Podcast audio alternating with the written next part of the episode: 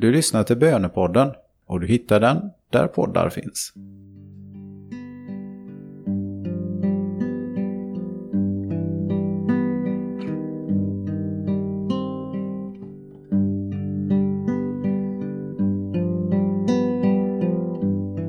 Nu kommer jag inför dig, Herre. Nu bär jag fram mig själv med allt som jag tänker på, med allt som jag är. Möt mig som den jag är. Håll mitt hjärta nära dig. Gör mig till den jag ska bli och lev i mig.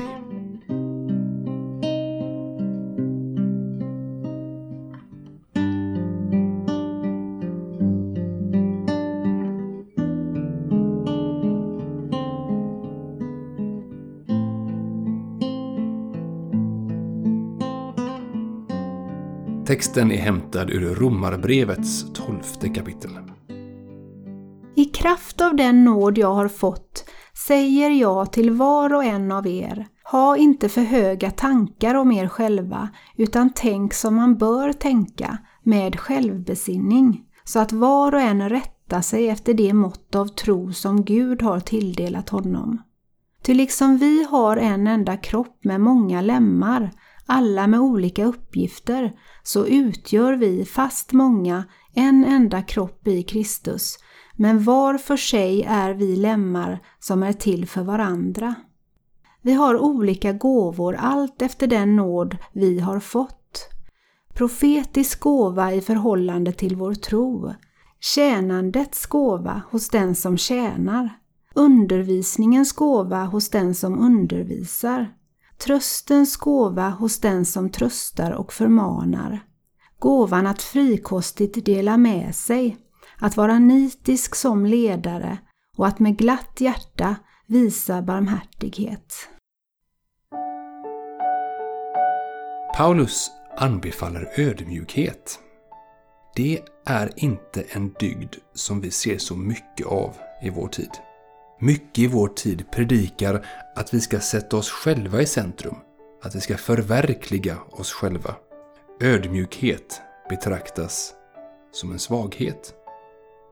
Och det stämmer. Ödmjukhet är en svaghet. Det är ett sätt att göra sig svag för att någon annan ska kunna bli starkare. Det är Kristuslikt att vara ödmjuk. Vad tänker du om detta?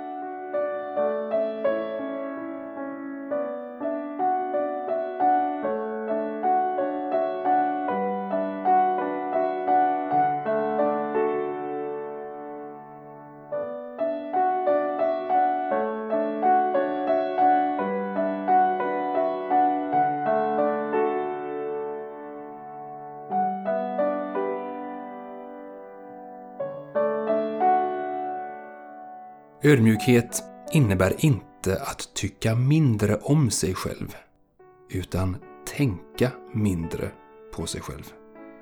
Det är en viktig distinktion.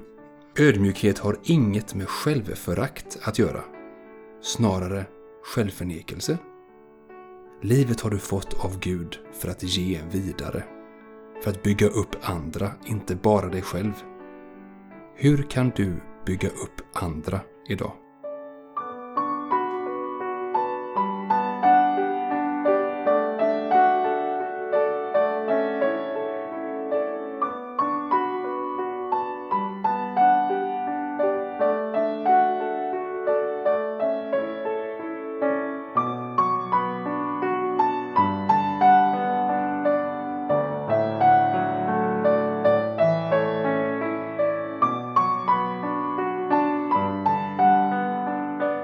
Paulus radar upp en mängd olika gåvor.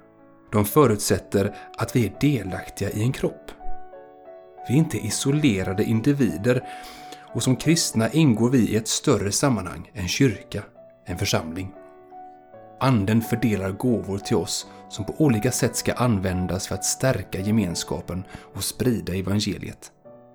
Tala med Gud vilken gåva du har fått och hur du bäst kan använda den efter Herrens vilja.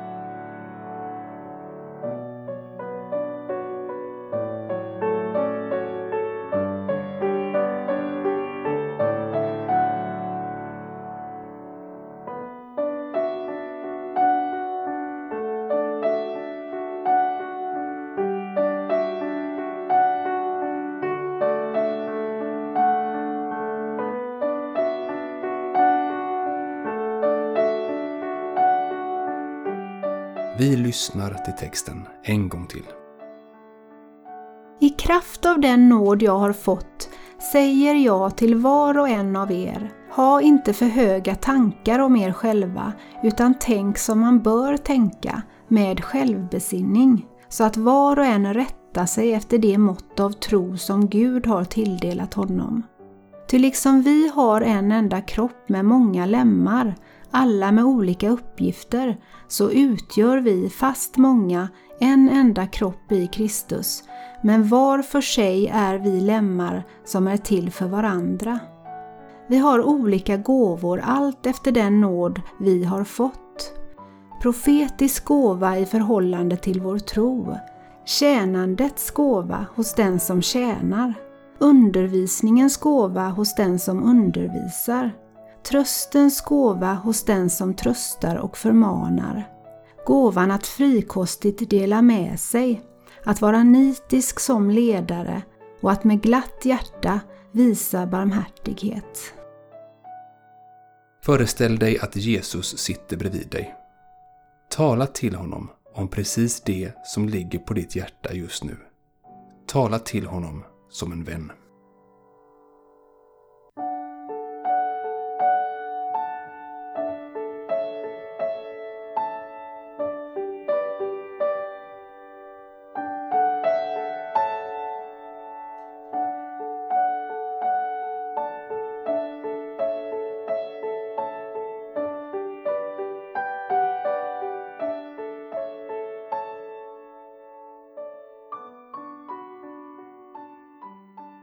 Ära vare Fadern och Sonen och den helige Ande, så som det var av begynnelsen, nu är och skall vara, från evighet till evighet.